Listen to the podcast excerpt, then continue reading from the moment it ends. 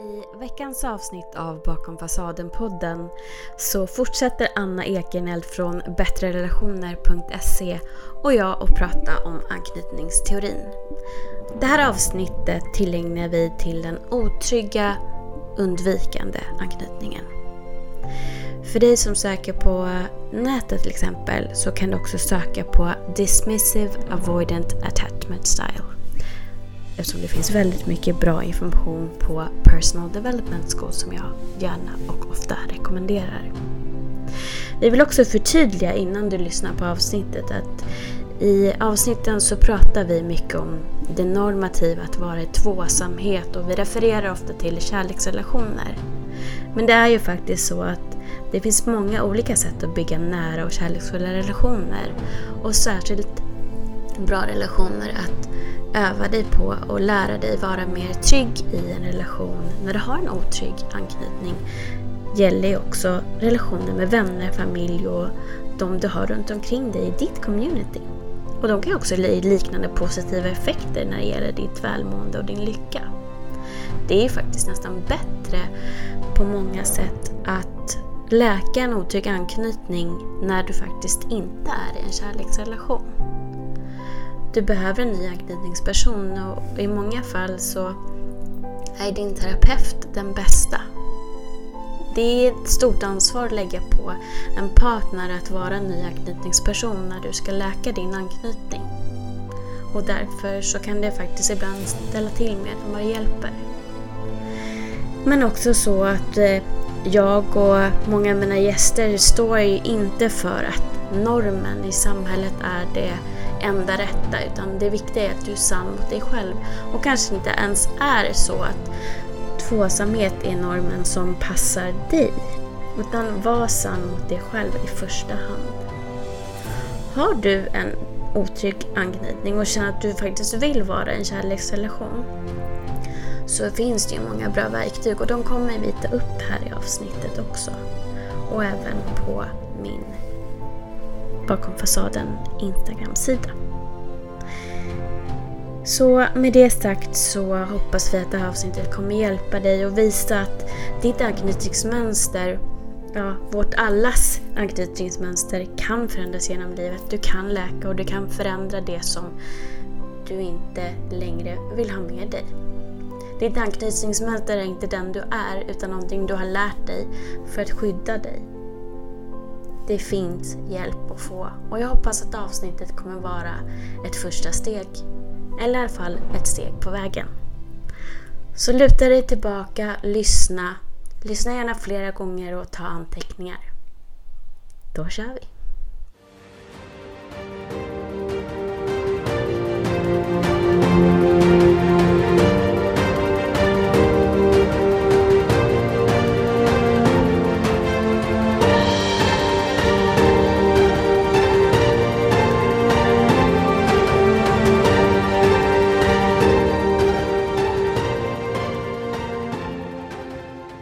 Välkommen till veckans avsnitt av Bakom fasaden-podden. Och det här är en fortsättning på serien om anknytningsteorierna. I det här avsnittet så kommer vi prata om den otrygga undvikande anknytningen. Och precis som i förra avsnittet så har jag till min hjälp Anna. Välkommen! Tack så mycket! Och eh, det som skiljer sig mest när man, när man då tittar på de otrygga undvikande och otrygga ambivalenta kommer vi prata om. Jag vill bara nämna också att eh, det finns en fjärde anknytning som heter otrygg desorienterad. Och där har du båda de här två. Så har du den anknytningen så kan du även känna igen dig i den här anknytningen och i den ambivalenta. Så det är verkligen värt att lyssna på alla avsnitten. Men då tänker jag att eh, om du börjar bara med att för lyssnarna förklara lite grann vad kännetecknar en otrygg undvikande person? Ja, på många sätt är den otryggt undvikande motsatsen till den otryggt ambivalenta. Så när den ambivalenta är mer styrd av sina känslor än sina tankar så är den undvikande istället mycket tankestyrd och kan ibland ha svårt att riktigt känna in vad, hur känns det med det här. Mm. Den undvikande kan ofta upplevas som väldigt självständig och trygg på ytan. Har ofta stort socialt nätverk och kan vara väldigt duktig och trevlig socialt så. Men eh, får det krångligt när det kommer till de riktigt nära intima relationerna, till kärleksrelationer. Och det är vanligt att om du har en undvikande anknytningstyp att du går runt med ett ständigt tvivel om din partner verkligen är rätt för dig. Du kan ha lätt att hitta fel på din partner eller den personen du dejtar och fokusera på små detaljer. Att ah, hens klädstil kanske inte är riktigt rätt och ja, vad det nu är. Du kan hitta alltid små grejer som eh, tyder på att mm, det finns nog någon annan som skulle vara ännu bättre för dig. Och du kan ha svårt att eh, committa och göra långsiktiga planer och verkligen satsa på den partnern som du är med. Mm. Och allt det här är egentligen också sätt att, att skydda dig själv mot eh, för jobbiga känslor som kan uppkomma när du verkligen kommer nära en annan person. Mm. Och ditt anknytningsmönster triggas, som är vad som då händer. Mm. Och det är också vanligt att den otrygga undvikande eh, sätter ett ex på piedestal även om det inte var en bra relation. Att man minns bara det som var bra och däremellan alltså därmed ska jag säga, inte riktigt släpper den gamla relationen när du går in i en ny. Och Det är också ett sätt att skydda dig från att komma för nära den nya personen. Ja, ja, det kan vara alla möjliga metoder för att slippa undan så att säga. Att verkligen dedikera dig till den personen du är med för närvarande. Så absolut kan det vara ett ex som du idealiserar eller bara bygga upp en idealbild, en drömbild mm. på en eh, föreställningspartner som inte existerar. Men om du har den perfekta inom situationstecken partnern att jämföra med, då kan du ha en ursäkt att inte riktigt gå in för din, din verkliga partner. Ja. Så ja, och om vi går tillbaka till grunden här också, vad är det som skapar det här anknytningsmönstret? Så är det igen, precis som vi var inne på i, i förra avsnittet om otrygg ambivalent, att anknytningsmönstret är ett sätt att inte maximera närheten till dina föräldrar eller anknytningspersoner som ett litet barn. Så anknytningen grundas de första sex månaderna framför allt men upp till två år och under hela barndomen så är det mycket som, som kan påverka hur föräldrarna eller de andra personerna som du hade allra närmast då, hur de knöt an till dig och hur mycket närhet, trygghet, bekräftelse, uppmärksamhet du kunde få i det. Mm. Och som ett litet barn, om du inte alltid bara fick den här tryggheten och närheten när du behövde det, då behövde du utveckla strategier för att du skulle få i alla fall så mycket som möjligt. För det var nödvändigt för att du skulle överleva. Och som otrygg undvikande, det du då gjorde, det som var den strategin som fungerade bäst, det var att inte vara till för mycket besvär. Att inte visa för mycket känslor och kräva uppmärksamheten utan visa att du, du var självständig, du kunde leka tyst på egen hand eller vad det nu var. Och sen så bär med dig den här strategin till vuxen ålder om du inte har jobbat mer eller fått starka andra upplevelser som har ändrat ditt anknytningsmönster, vilket också kan hända. Men då kan det göra att det inte alls blir så lätt för dig att eh, bygga en djup, nära, intim kärleksrelation när du är vuxen. Mm. Även om en del av dig kanske längtar jättemycket till det och verkligen skulle vilja det. Mm. Och där ser man ju också när man har gjort de här testen på de ettåriga barnen som vi pratade om i förra avsnittet. Mm. Att eh, de barnen visar inte någonting utåt. De uttrycker inte sin stress som det ambivalenta barnet gör med att skrika och gråta och uttrycka sin oro när föräldern försvinner ut i rummet och även vara otröstlig när föräldern kommer tillbaka. Där felaktigt ses ju ofta otrygga undvikande barn som lugna och duktiga inom citationstecken. Eh, just för att man märker inte utåt att de känner någonting. Men när de då har tagit de här barnen och mätt stressnivåer så har de märkt att den här inre stressen är jättehög. Exakt, ja precis så. Ja, vad bra att du tar upp det också. Om det är sådana som inte har lyssnat på, på förra avsnittet så kan jag ta kort repetition av den här främmande situationen då man mäter det här och kan se det. Så då är det när små barn är drygt ett år gamla så låter man dem gå in i ett rum tillsammans med sin förälder eller en annan anknytningsperson som är, är den närmaste de har. Och tillsammans också med en främmande barnskötare. Och sen efter ett tag så går föräldern ut ungefär två minuter och barnskötaren är kvar. Så kommer föräldern tillbaka och sen går både föräldern och den främmande barnskötaren ut och barnet blir lämnat ensamt ungefär två minuter. Och sen återvänder föräldern igen. Och det man studerar framför allt är hur reagerar barnet när föräldern sen kommer tillbaka. Och är det ett barn med tryggt, trygg anknytning, då blir barnet ledset när föräldern försvinner men sen snabbt eh, glad och lugn när föräldern är tillbaka. Så då blir det en sån typ av, ja, man kan säga rätt naturlig reaktion. Ledsen när föräldern går och glad när den kommer tillbaka. Mm.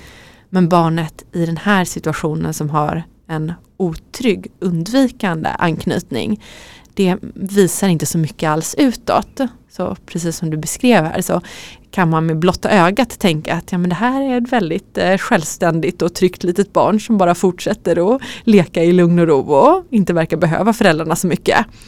Men inuti barnet när vi mäter pulsen, när vi mäter stresshormoner och ser vad händer där, då är det panik.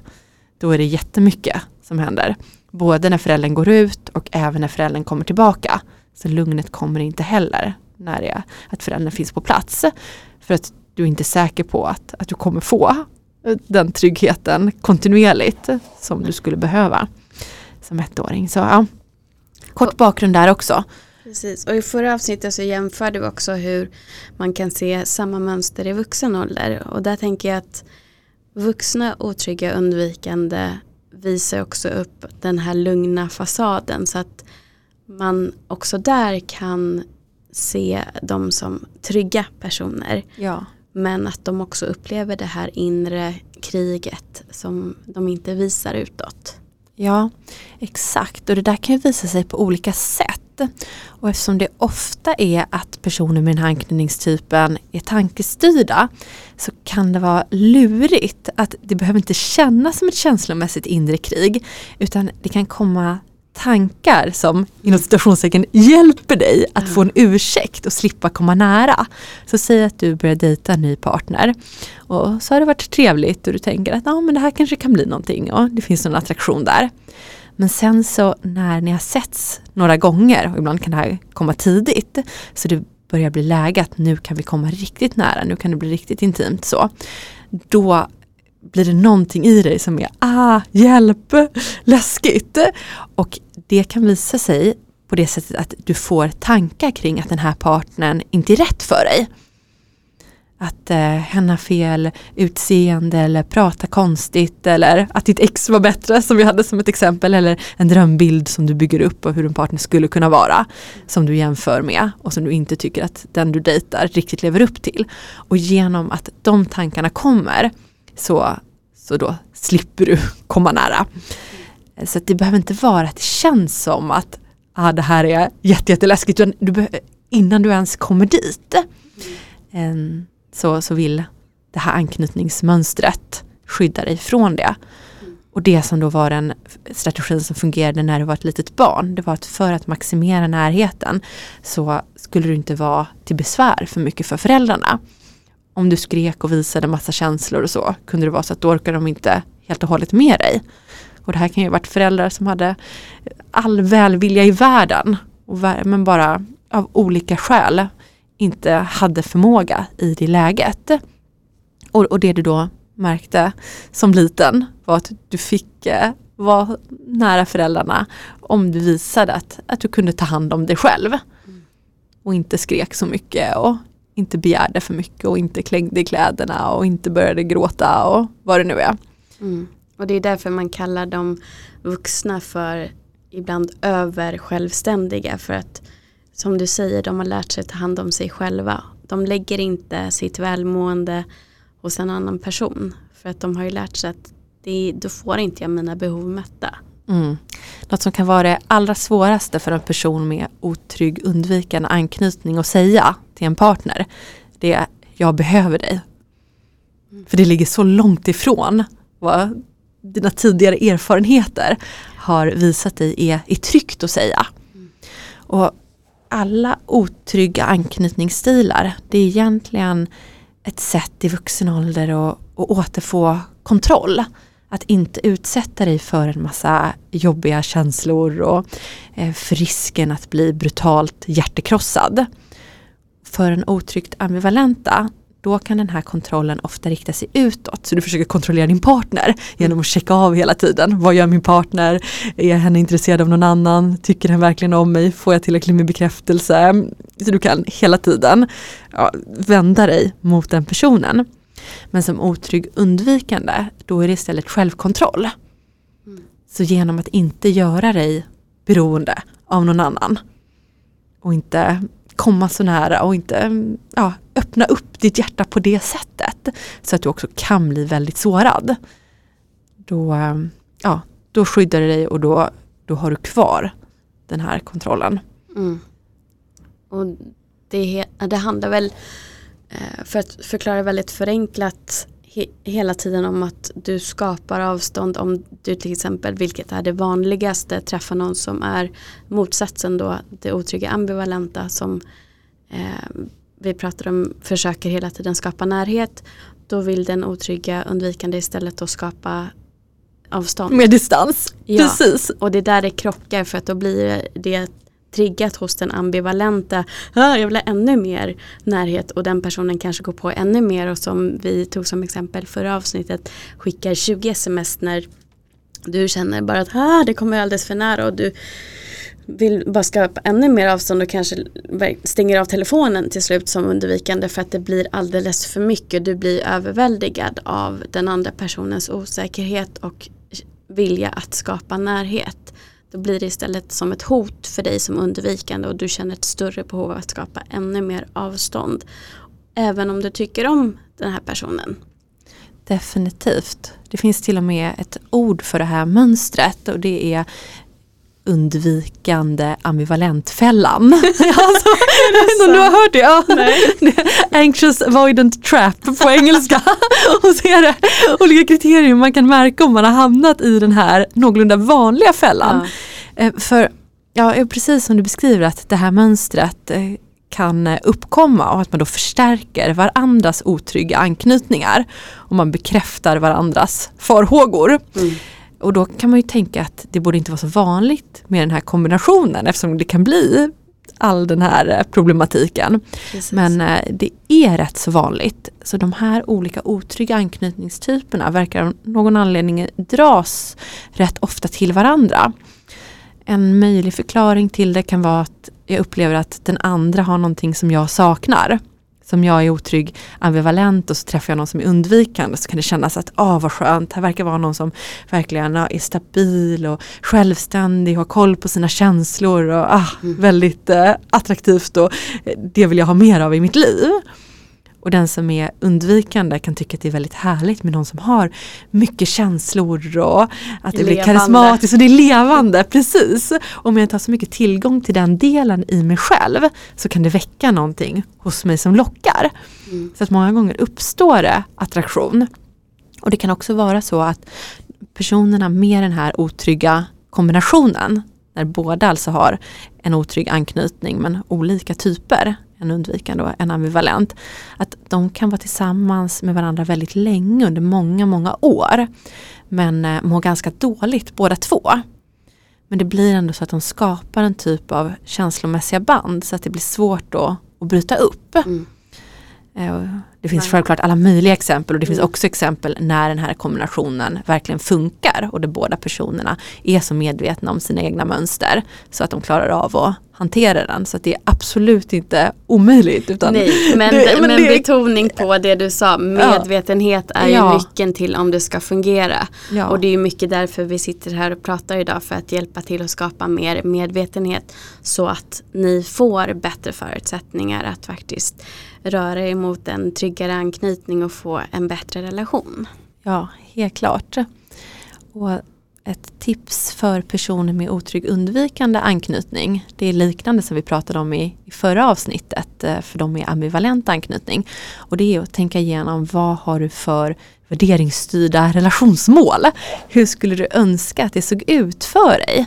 För kanske är det så att du verkligen vill ha en långsiktig nära relation. Och i så fall göra det tydligt för dig och hur skulle du vilja att den såg ut och hur skulle du vilja kunna bemöta din partner och komma närmare inpå. Och sen då lägga märke till vad är det för mönster hos mig som kan hindra det här. Och så kan vi se vad är det för fördelar på kort sikt genom att eh, jag återupprepar de här mönstren. Jag slipper eh, sätta mig i en sårbar situation, jag slipper committa mig utan att jag vet att det riktigt är rätt. Det ena och det andra.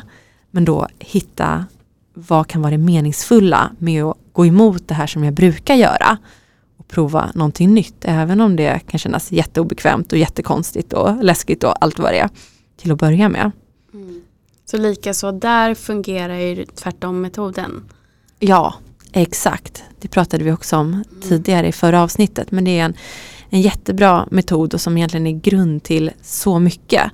Att eh, ja, det är väldigt lätt om vi bara tar det i sin eh, renaste form. Att se ett beteende som du brukar göra som kan leda till problem och sen vända på det och prova att göra precis på pricken tvärtom. Mm. Men eh, det kan ju låta lite väl simpelt kanske för att det kan vara, först ska du hitta, kartlägga vilket beteende eller vilka beteenden, ofta är det inte bara ett utan det kan vara eh, väldigt många olika mm. som, eh, som ändå kan ha liknande grund att du har det här undvikande. Men vad är det som, som kan sätta hinder på vägen mot de relationerna som du allra helst skulle önska? Mm. Och sen då, vad skulle ett tvärtom-beteende kunna vara? Och när jag är i det läget, det allra svåraste egentligen, om jag väl är där och så har jag sagt att ja, men nu ska jag göra på ett annat sätt. Nu till exempel, ska jag gå på den här dejten fast jag hittar att något fel på den personen jag skulle träffa och inte tror att det finns någon möjlighet och någon framtid mellan oss ändå. Hur kan jag i det läget, när de tankarna kan bli så övertygande, hur kan jag komma på mig själv eller komma bortom det här? Mm. Jag, jag, känner igen att eh, många med otrygg undvikande och också när den formen har varit mer dominant inom mig själv, mm.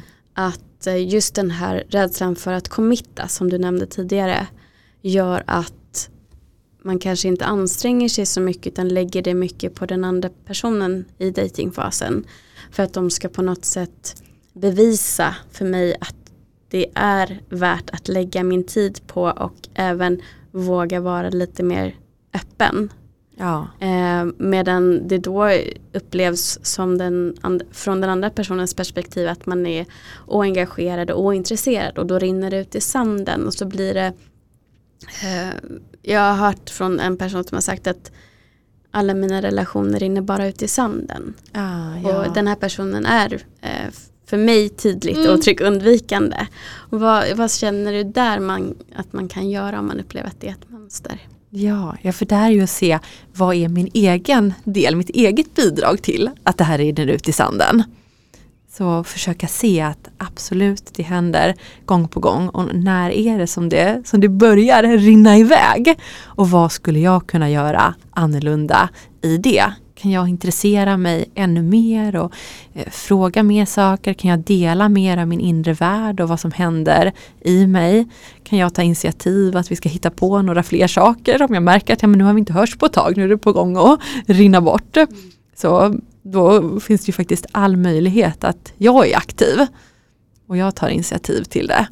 Mm. Men då inte förvänta dig att det kanske är det du i den här stunden kommer ha lust för.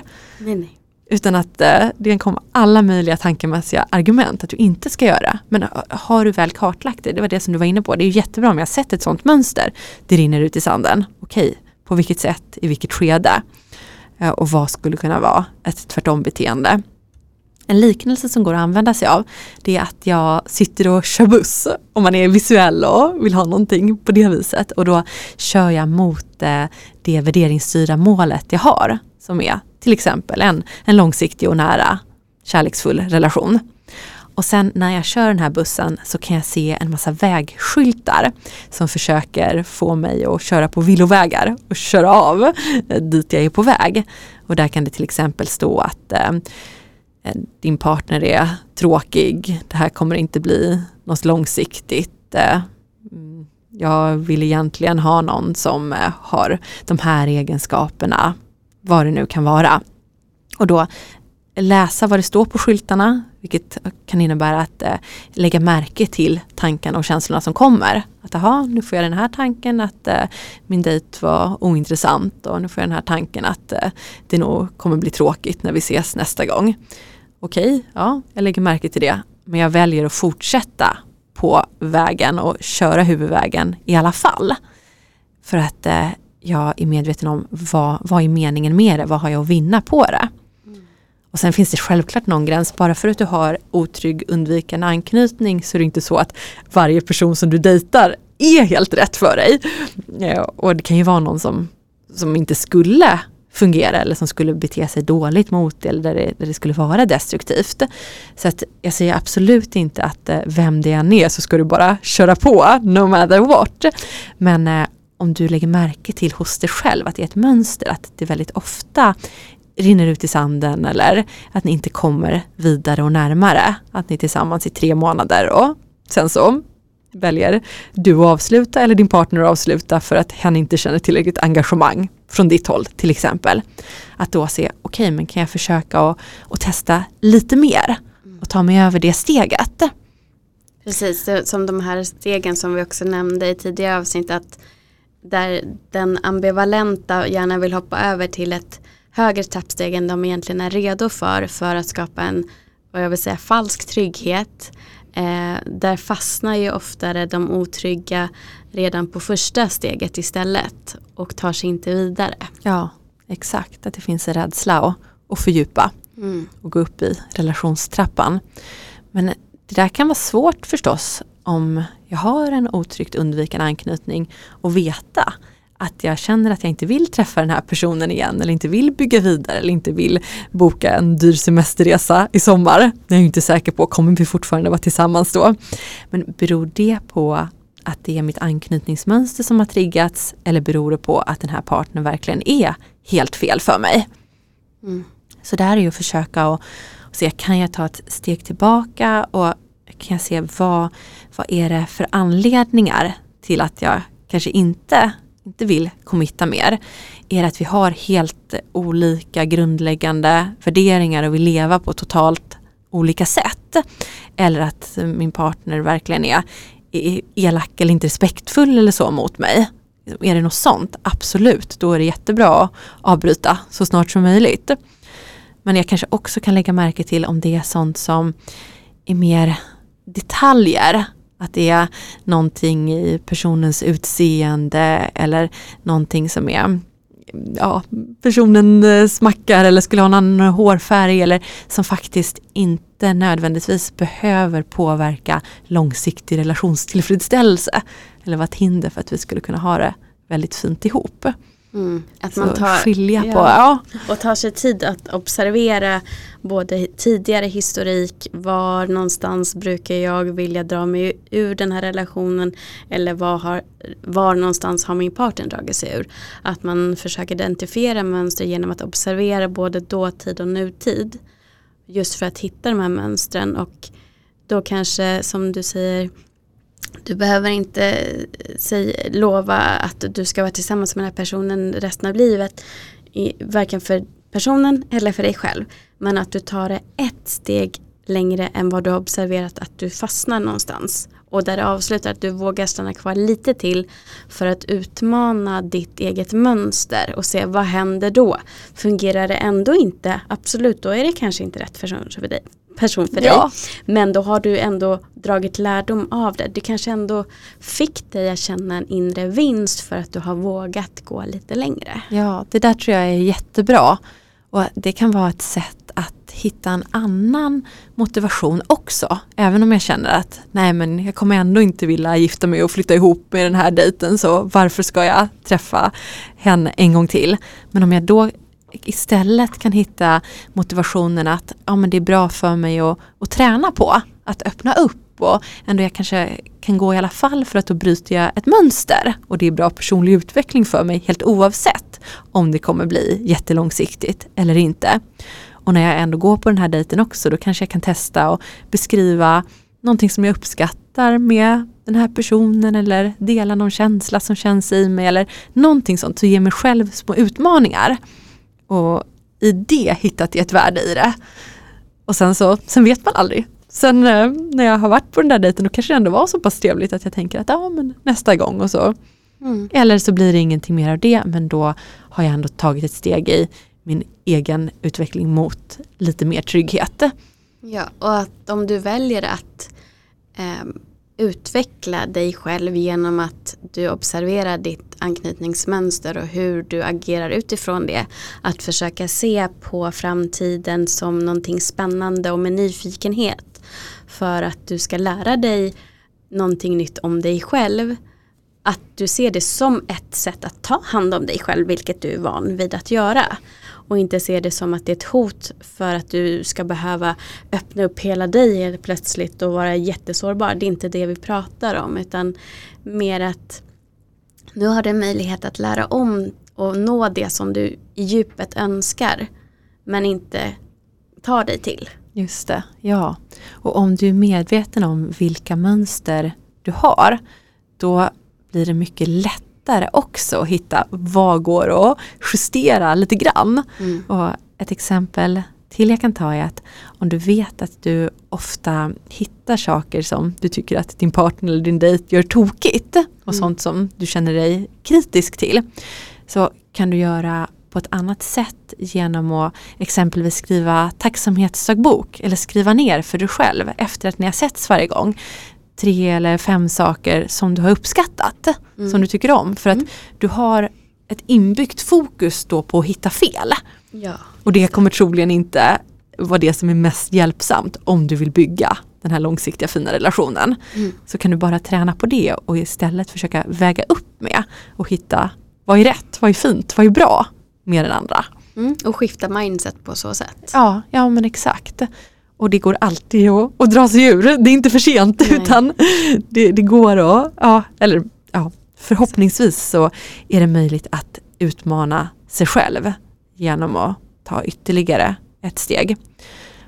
Om vi backar lite i det här, för nu har vi pratat om hur jag kan använda tvärtom-metoden på några olika vis som otryggt undvikande.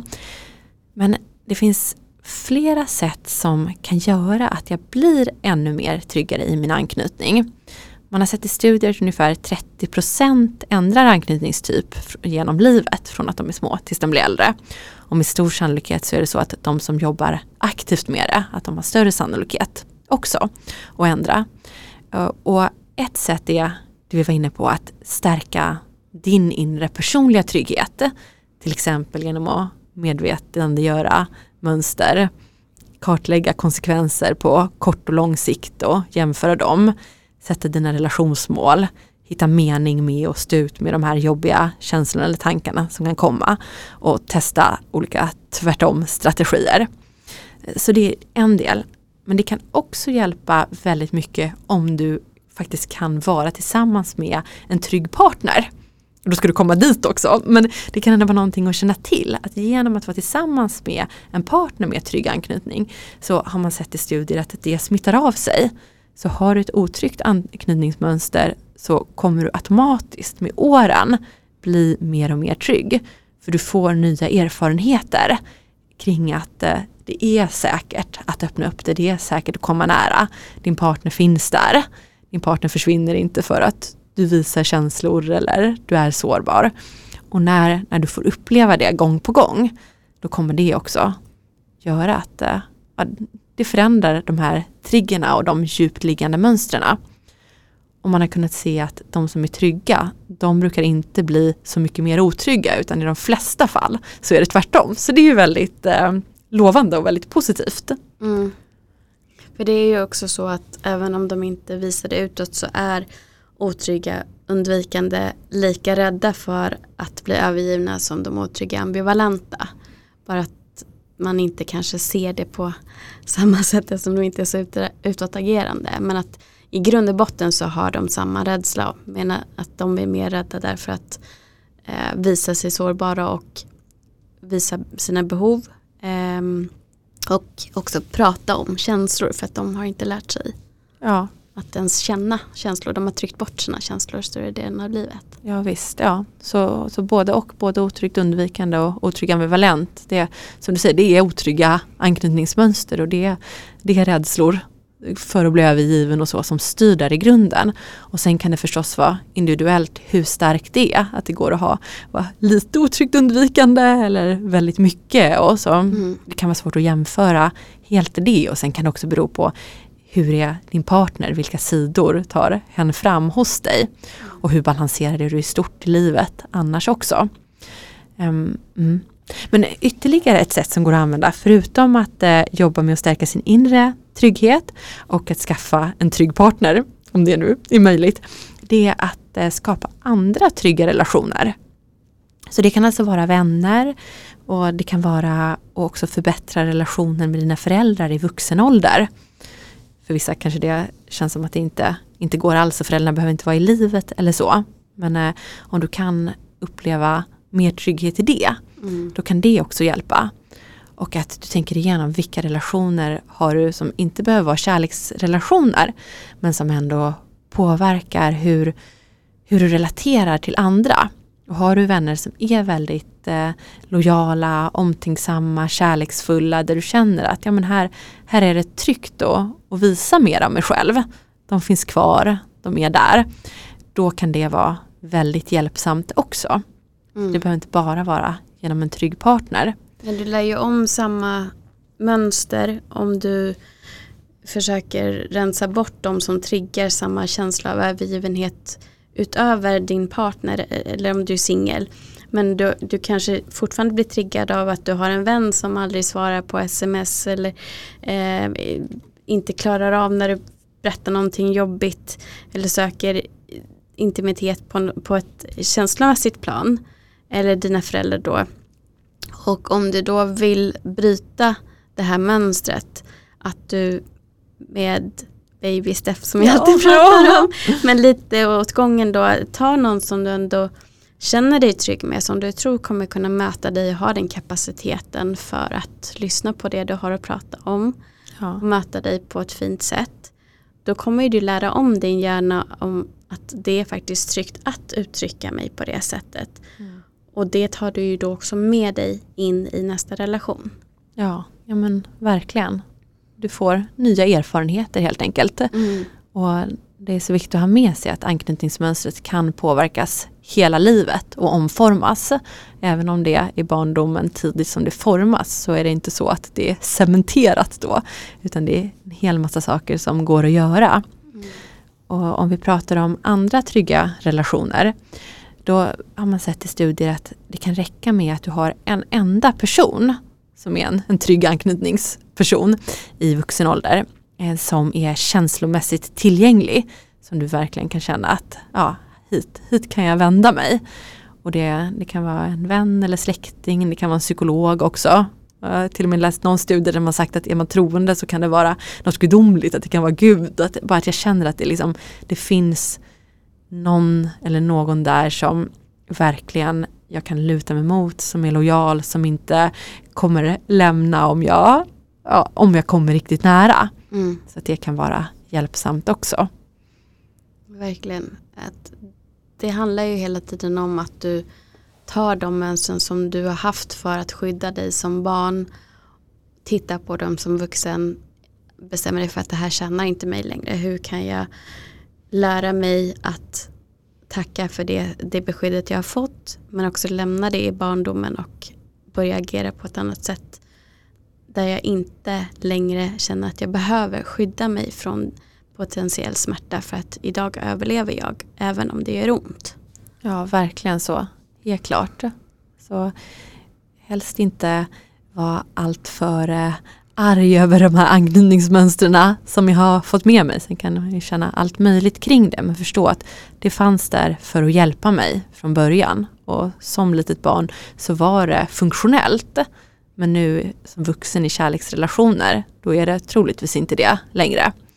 Och vad kan jag då göra annorlunda för att bryta det här mönstret om det inte tar mig dit jag vill.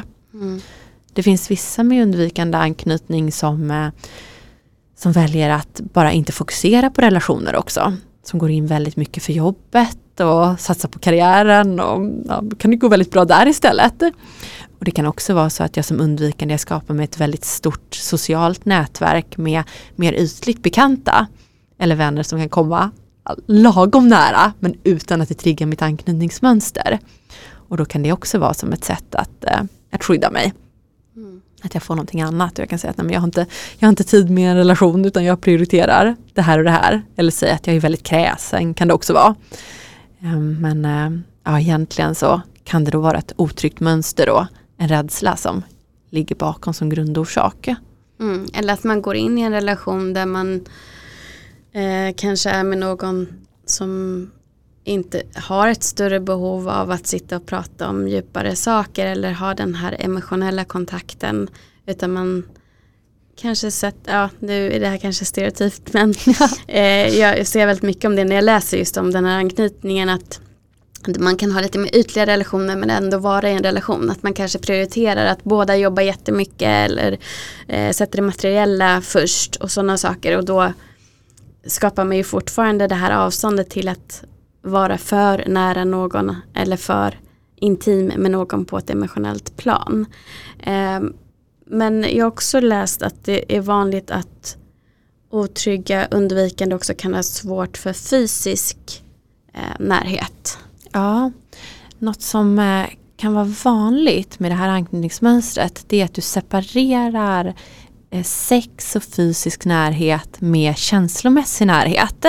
Så det kan vara så att du har mycket one night stands till exempel. Eller du, du kan vara, ha fysisk närhet men eh, du, du kopplar bort det på ett sätt.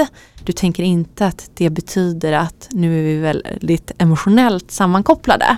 Mm. Det kan också vara ett mönster. Eller att de blir undvikande, om de är i en Ja. kärleksrelation, att de drar sig undan. Ehm, det hörde jag senaste dagen när jag lyssnade på någon som pratade om den här. Eh, nu satte de olika tidsperspektiv på att det kan gå Ja. till och med så långt att man är gifta i flera år och efter, jag tror hon sa två år så kan det vara att det har varit jättebra fysiskt och sexuellt i relationen men att den personen börjar dra sig undan där. Medan i andra situationer så kan det vara så att de har svårt från början därför att de har inte växt upp i ett hem där man kramas mycket eller tar på varandra och då känns det såklart obekant. Mm, ja, och, och då eh, tror jag också att det är viktigt att man har acceptans och tålamod med sig själv men också uttrycker det här till sin partner om man väljer att gå in i en relation eh, att för ofta så vill man ju ändå ha det innerst inne vill jag Mm. säga. Eh, att man då uttrycker att det här är ingenting som kommer naturligt för mig. Ehm, men vi kan försöka börja lite pö om pö. Att man ändå uttrycker det för att annars så tror jag att det kan uppfattas som att eh, det är något fel, att partnern känner att det är något Ja. fel på eh, henne eller honom. För att den undvikande inte är så fysisk. Mm. Kanske inte vill hålla handen när man går på stan eller eh, klappar, kramar, sådana saker. För att det är ingenting de har växt upp med, det blir inte så naturligt för dem. Men att det ligger i anknytningen och inte att det är så att de inte har någon önskan att vara nära sin partner. Just det. Ja, det kan säkert vara väldigt, väldigt hjälpsamt då att beskriva det i så fall. Att det här är det som händer i mig och jag vill kunna gå och hålla dig i handen eller jag vill kunna vara spontant eh, bara sitta och hålla om dig men det är inte det som kommer naturligt för mig och det kan väcka vissa rädslor eller så eller förklara vilka processer det är. Helt klart att risken annars är att partnern känner sig avvisad Mm. eller tänker att den gör fel på något vis. Och skulle då partnern vara otryggt eh, ambivalent så är då risken att det blir mycket drama i Ja. det. så, Så det här är ett tips om du vill undvika. bra, Försök möta rädslan. Ja. Att, eh, för jag kan tänka mig att Ja. det är väldigt, väldigt svårt att uttrycka det här för en otrygg undvikande. Ehm, att det inte att de kanske känner när jag säger det här, men berätta det här, att men det är väl inte så jäkla enkelt. Ja. Och, uff, det, det känns som ett jättestort motstånd i mig bara vid tanken att jag ska sitta och prata om det här. Vadå, jag pratar inte om hur jag känner eller kanske inte ens är medveten om att de har det motståndet i sig. Men försök, alltså precis som vi pratade om tidigare. Om du observerar dina mönster då kommer nog det här komma om du har det hos dig. Att du ser det som ett, en del av dina mönster. Att du har svårt för fysisk kontakt på det sättet som kanske dina partners har uttryckt behov om. Att ni kanske krockar där. Ja, men försök att på något sätt uttrycka det lite åt taget. Du kanske inte behöver uttrycka det lika stort som att det här är vad som händer i mig. Om det känns svårt. Säg, säg bara att det här är inte så lätt för mig. Eller vad som helst. Och sen nästa gång ni pratar förhoppningsvis då var det ett bra bemötande så att du känner dig trygg och prata om det igen. Att du uttrycker mer och mer men ändå börjar försöka uttrycka eh, dina behov och, och, dina mönster och varför. Ja. Så gott det går. Mm. Ja, jag tror det är så värdefullt. För väldigt lätt annars om partnern inte blir insläppt alls i vad som händer mm. i den undvikandes inre värld. Att det bara går att känna som att den personen distanserar sig och stänger av eller drar sig undan och då, ja, då är det lätt att det ändra väcker massa rädsla i mig som partner eller att jag känner att det här var inte kul längre. Så då, då drar jag mig också undan eller lämnar. Så. Exakt. Men kan ju absolut vara jättesvårt om jag har använt den här strategin hela mitt liv mm. som undvikande. Så absolut. Och ha varsamhet med sig själv i det. Och förståelse för att det här kan vara ett stort steg. Mm. Och som, som vi ta, också tog upp.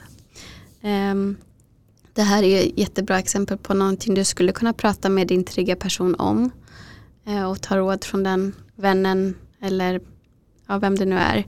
Hur, hur skulle jag kunna förklara det här för min partner eller nästa tjej eller kille som jag träffar. För att jag vet att det här är, är jobbigt och det känns svårt för mig. Att man kanske kan börja bolla där man ändå känner sig trygg innan man uttrycker det för nästa person. Ja, ja visst. Så hitta någonstans där det är här mm. i alla fall. Att jag kan känna mig tillräckligt bekväm för att ta något steg i en sån riktning. Vad, vad, finns det mer för exempel på problem som kan uppstå i just kärleksrelationer för en otrygg undvikande?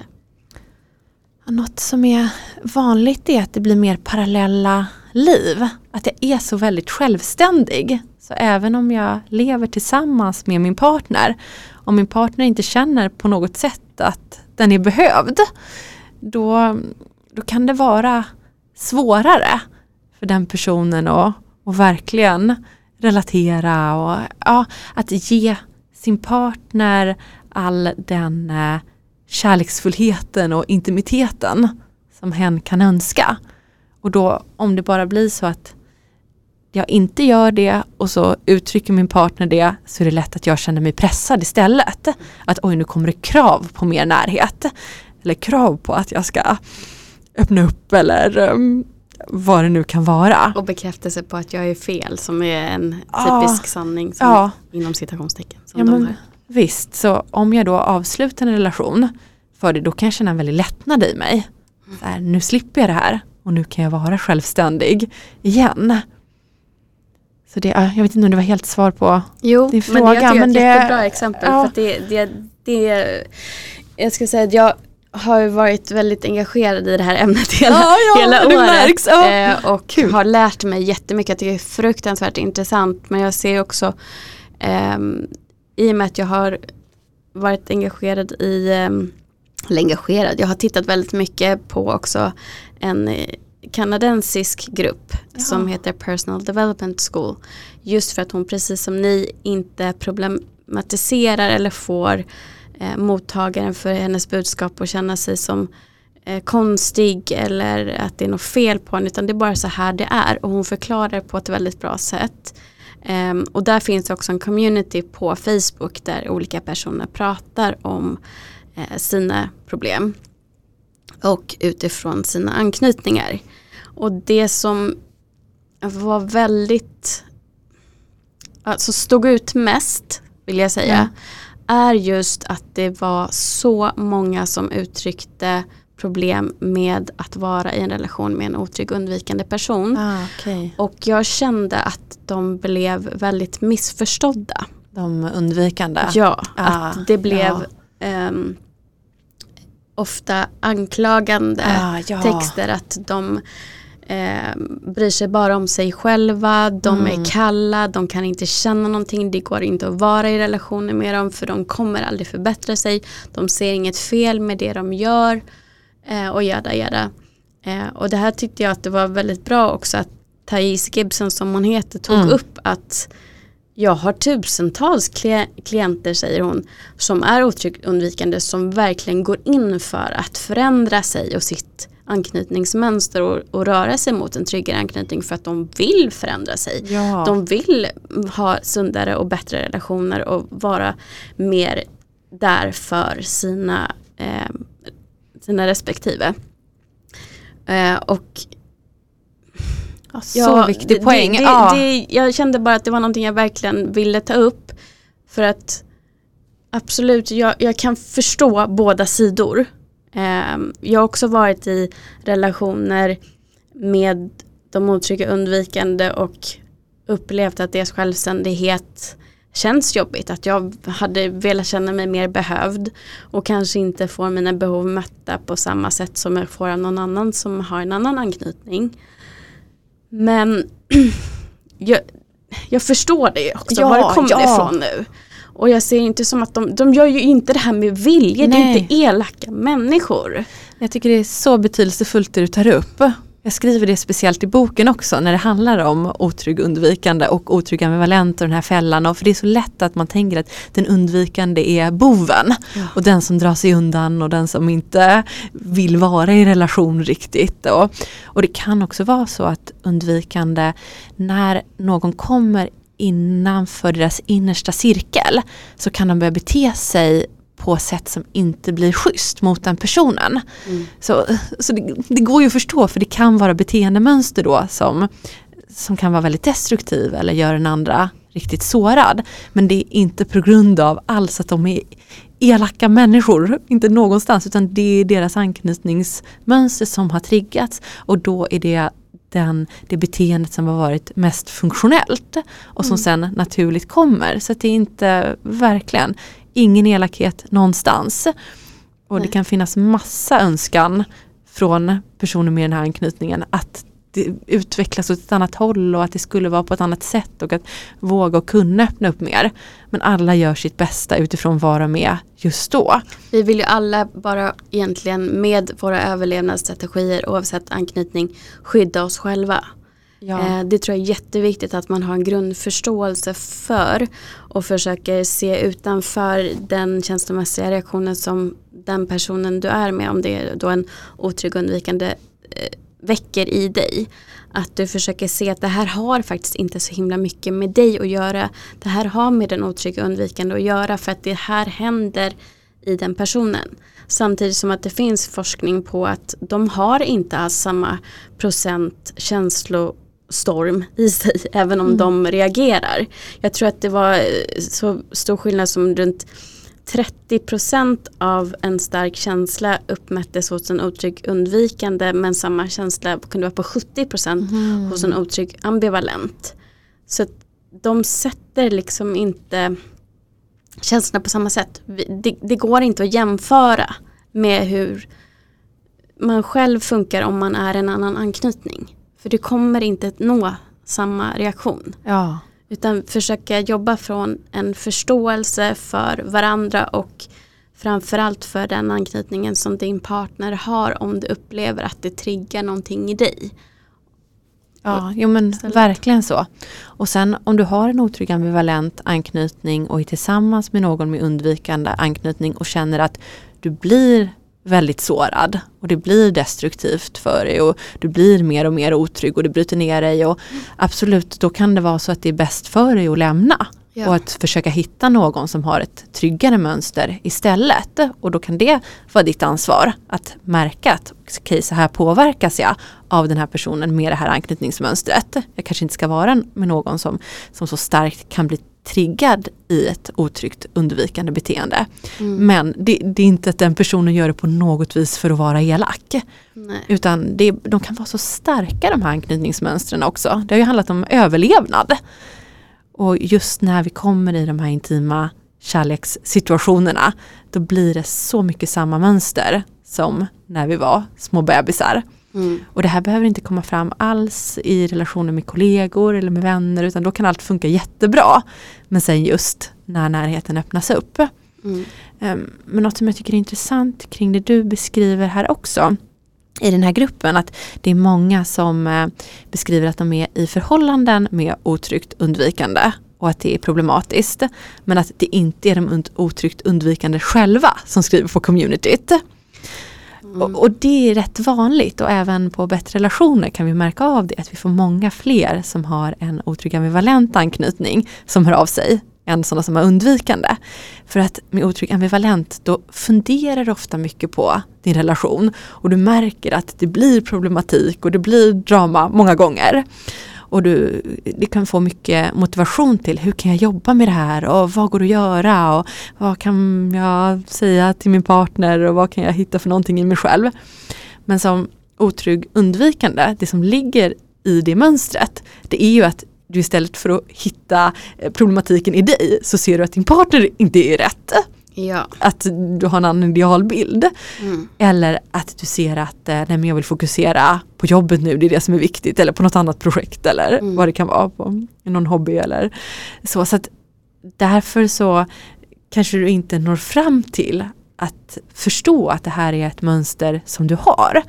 Utan det ligger så, så i det att ja, du, du inte börjar gräva i de här eh, känslorna. Nej det kommer inte naturligt utan- att, att analysera sig själv alls för den und undvikande medan det finns redan som inbyggt nästan när man är Ja. undvikande eller vad säger ambivalent. Ja, vanligare så i alla fall. Mm. Och sen finns det absolut de som har ett otryggt undvikande mönster som intresserar sig för personlig utveckling eller Mm. som bara ja, kanske har fått någon riktigt jobbig upplevelse och får upp intresset eller börjar läsa på om det här och, och förstår så att det, det finns utan tvekan. Men eh, eh, min erfarenhet från bättre relationer är också att det inte alls lika stor andel av de som är undvikande som kommer på att, att börja jobba med det här mönstret. Ja, nyckeln är ju, och det säger hon också i eh, den här gruppen, att absolut är det så att du är med en otrygg undvikande som gör dig illa och inte alls är öppen för information och insikt om sin anknytning och vad den skapar. Då är det nog bättre att lämna relationen. Men att de som faktiskt är öppna för det, um, där kanske det kan vara värt att ge det mer tid. För att um, just det, så, det var någon som jag läste om hon eh, var gift sedan länge med en man som var otryggt undvikande. Hon hade inte själv haft kunskapen om anknytningsteorierna på många år. Men nu gått med i den här gruppen och eh, köpt kurser och börjat jobba på sig själv. Och lite smått då hittat någon, jag tror faktiskt att det var jag som la upp eh, en, en eh, bara förteckning på hur tankarna kan gå hos en otryggt undvikande person. Och det var otroligt vackert skrivet, det var verkligen, nu minns jag det inte ordagrant, men kontentan var att så här kan jag känna och så här kan jag uppleva saker. Och det var väldigt sårbart skrivet och det använde hon då för att fråga sin man, känner du igen de här tankarna?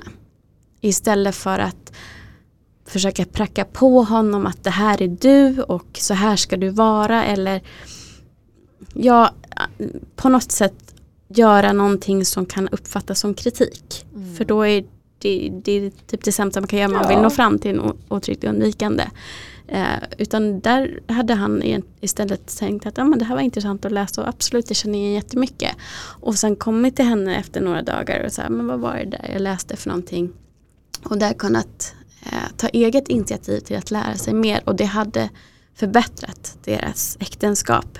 Alltså kortsiktigt men förmodligen också långsiktigt för att han började intressera sig mer för sin egen anknytning och fick ta det valet själv. Ja. Ja, och utan att det blir något anklagande att Mm. du är fel eller du är fel eller ja, nu måste du ändra på det här eller det här. Faktiskt. Så att är man i en sån situation att man är med någon eller träffar någon som ändå jobbar på det, ger det en chans. Eh, Du kommer få så mycket tillbaka tror jag när du väl eh, når en, en tryggare, om ni båda kan jobba mot en tryggare anknytning. Ja, och det går ju utan tvekan att bli tryggare. Det vill jag skicka med. Det, Mm. det finns jättemycket bra övningar. Det går att satsa på att bygga upp trygga relationer även i det som inte är din kärleksrelation. Det finns också väldigt bra terapeuter om man vill jobba med det ännu mer på djupet och individuellt. Så, och I så fall om man inte klarar det helt och hållet på egen hand och komma så, så långt som man vill i sin utveckling i det. Så då vill jag verkligen uppmuntra också och gå till någon bra psykolog som är inriktad på det här och jobba vidare med det. Mm. För det är ja, en, en positiv och hälsosam och nära kärleksrelation kan ge så otroligt mycket glädje. Och, och det finns också en hel del forskning på det, att det kan påverka vår fysiska hälsa, hur länge vi lever, det är en hel massa faktorer. Så verkligen att, att ge sig själv de förutsättningarna Ja, till att skapa det. som känslomänniska själv Ja. kan jag säga till dig som är otryggt undvikande och upplever att du är tankestyrd och är van att trycka bort dina känslor. Det kan vara jättehärligt att känna också. Det är inte bara otrygg eller liksom obehagliga känslor som behöver få plats utan du, du upplever liksom allting eh, i hela känslospektrat om du vågar känna lite mer. Mm, mm. Och som du var inne på tidigare också att nu pratar vi så mycket om, om anknytning och det är temat nu och det, är- ja, det är otroligt spännande att prata om men vi människor är ju så otroligt mycket mer. Vi är så komplexa så det är massa olika mönster vi har i oss och Mm. en partner, säg du skulle ha en partner som är otrygg, ambivalent eller otrygg anknyt, an, otrygg undvikande så hen är otroligt mycket mer än det också Mm. och har massa spännande intressen och tankar och drömmar och vad det nu kan vara. Så att inte ja, se, se utöver. Men Ja. såklart också förstå om det är utmanande saker och hitta vad, vad kan vara grundorsaker och mönster i det. Mm. Jag tror att det hjälper bara att eh, känna att det handlar inte så mycket om dig själv om man har, särskilt är med någon otryggt undvikande. För att jag vet också att det, det finns en liten procent trygga som är med någon otrygg undvikande och tyvärr blir Eh, mindre trygg på grund av den här relationen och dynamiken som skapas. Ehm, så att där tycker jag att läs på så mycket ni kan. Gå in på bättrerelationer.se och gå in på Personal Development School. Eh, där som jag båda varmt kan rekommendera för att det är så bra pedagogiskt förklarat och väldigt, väldigt givande att skapa sig en bättre förståelse och få bättre kunskap på så sätt utan att på något sätt behöva känna att det är något fel på varken dig eller din partner. Verkligen så. Helt klart. Mm. Mm, och tillåta alla känslor och också tänka att vi alltid kan utvecklas i den riktning som vi vill. Om vi, vi bestämmer oss för det och går in för det. Jag kommer ju länka såklart till de här sidorna också i beskrivningen till det här avsnittet. Är det någonting du känner att vi behöver tillägga? Jag tror nog vi har hunnit med det, Ja. det viktigaste. Bra. Då får jag tacka dig återigen för att du var med i detta avsnittet och hjälpte mig att förklara den otrygga undvikande anknytningen. Tack så mycket. Och till dig som lyssnar så går det såklart att nå oss. Jag kommer länka även det i beskrivningen hur du lättast når både Anna och Mikael och mig. Eh, och det är ju som vanligt då på Instagram bakom fasaden-podden. Så eh, smält det här nu och som vanligt ta hand om dig.